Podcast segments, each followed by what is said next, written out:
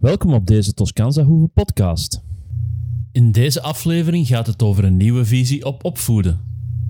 In 1970 publiceerde de Amerikaanse psycholoog Fitzhugh Dodson How to Parent, letterlijk hoe ouder te zijn. Het was toen een wereldwijde bestseller, waarbij de nadruk werd gelegd op het belang van taal bij de opvoeding van kinderen.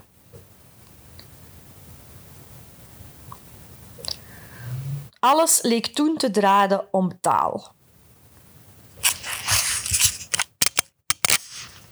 Er werd tussen onderzoekers en wetenschappers heel veel gediscussieerd rond taal en leeftijd en ontwikkeling.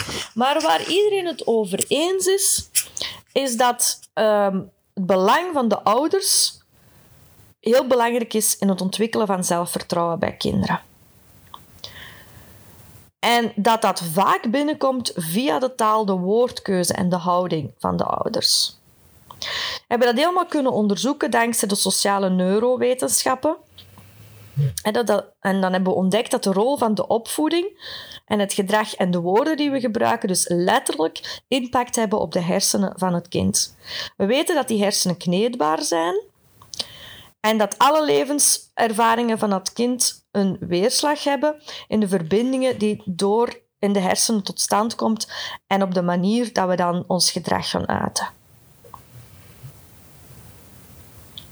Dus het is heel belangrijk om te, te, kijken hoe je omgaat met je kind, hoe je gedrag is ten opzichte van je kind en hoe je, welke woorden dat je gebruikt en toon tegen je kind.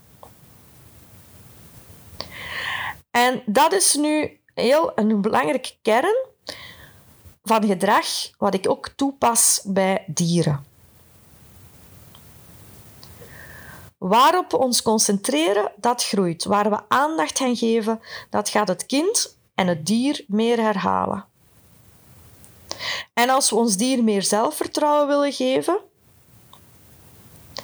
dan is onze houding en ons taalgebruik en onze intonatie een hele belangrijke. Als we ons onvoorwaardelijk en respectvol en bemoedigend opstellen, dan levert dat een zelfvertrouwen op bij ons dier of ons kind. En die onderzoeken die zijn door heel veel wetenschappers gestaafd. We noemen dat positieve discipline. Het is niet gemakkelijk om een opvoedingsstijl te ontdekken. En eh, het gaat een beetje van zwart naar wit. Je hebt de dominante uh, stijl, waar je dus ehm, de baas bent over jouw uh, hond. Um, en dan heb je de flower power stijl, waar je dus geen grenzen stelt aan je dier. Maar ik heb het over een opvoedingsstijl, een positieve discipline, een verantwoorder ouderschap.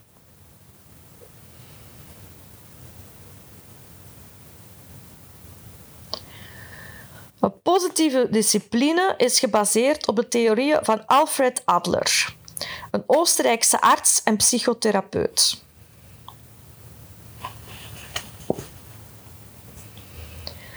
De, ja, de manier hoe je tegen jouw kinderen of jouw dier praat, de woorden die je kiest, maakt ervoor dat je jouw dier en jouw kind kan belonen of bevestigen, beter gezegd, in de dingen die je graag wil, in de dingen die goed zijn, en je niet de nadruk gaat leggen op de dingen die fout zijn.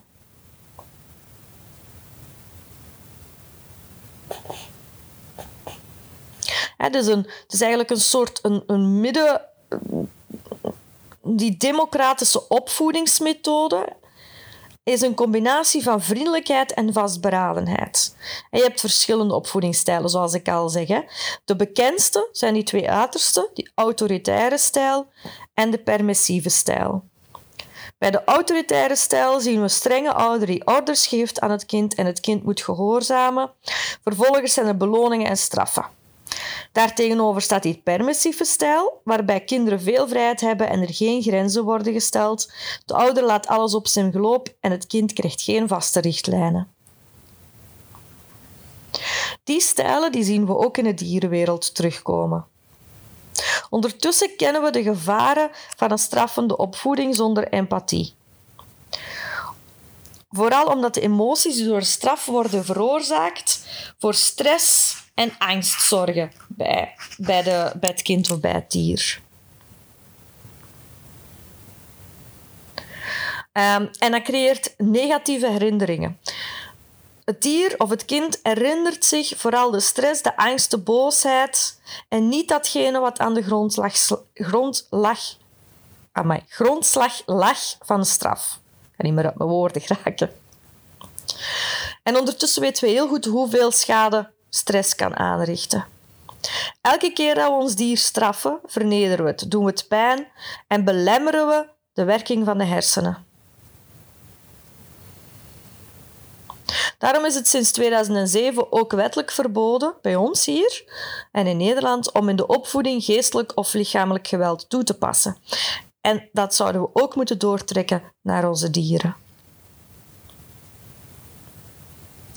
Positieve discipline en democratische opvoeding staan op twee pijlers.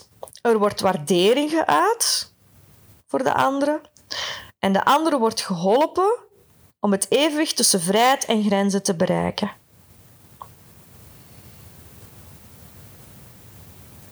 Er is vriendelijkheid en vastberadenheid.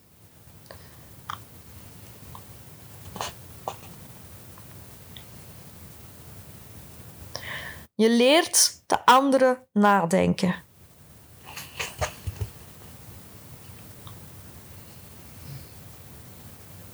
Je geeft waarde aan bepaalde handelingen. Je bent dus niet autoritair en niet permissief. Want autoritair, dan creëer je angst en schuldgevoelens. En dat heeft helemaal, dat ondermijnt het zelfvertrouwen. En dan krijg je dus passief, angstig dier. Dat alles zal doen om toch maar aardig gevonden te worden, om toch maar te voldoen aan jouw verwachtingen. En dat kan misschien voor jou leuk zijn, maar dat is echt niet het goede voor het dier. Langs de andere kant, die permissieve uh, stijl, dat, dan, ja, dan verdraagt het dier geen enkel frustratie of inspanning. Het gaat ook weinig rekening houden met anderen rond zich heen. Het gaat niet zijn plan goed kunnen trekken. Ja. Respect en empathie is voor mij de hoek, eigenlijk de basis van elke relatie. En ook de basis van opvoeding. Als we empathisch zijn, meer begrip voor, de, voor het gedrag en de emoties kunnen geven aan onze dieren, onderzoeken waarom ze op een bepaalde manier reageren, dat is empathie, dan kunnen we ons dier helpen in zijn zelfvertrouwen en in zijn ontwikkeling.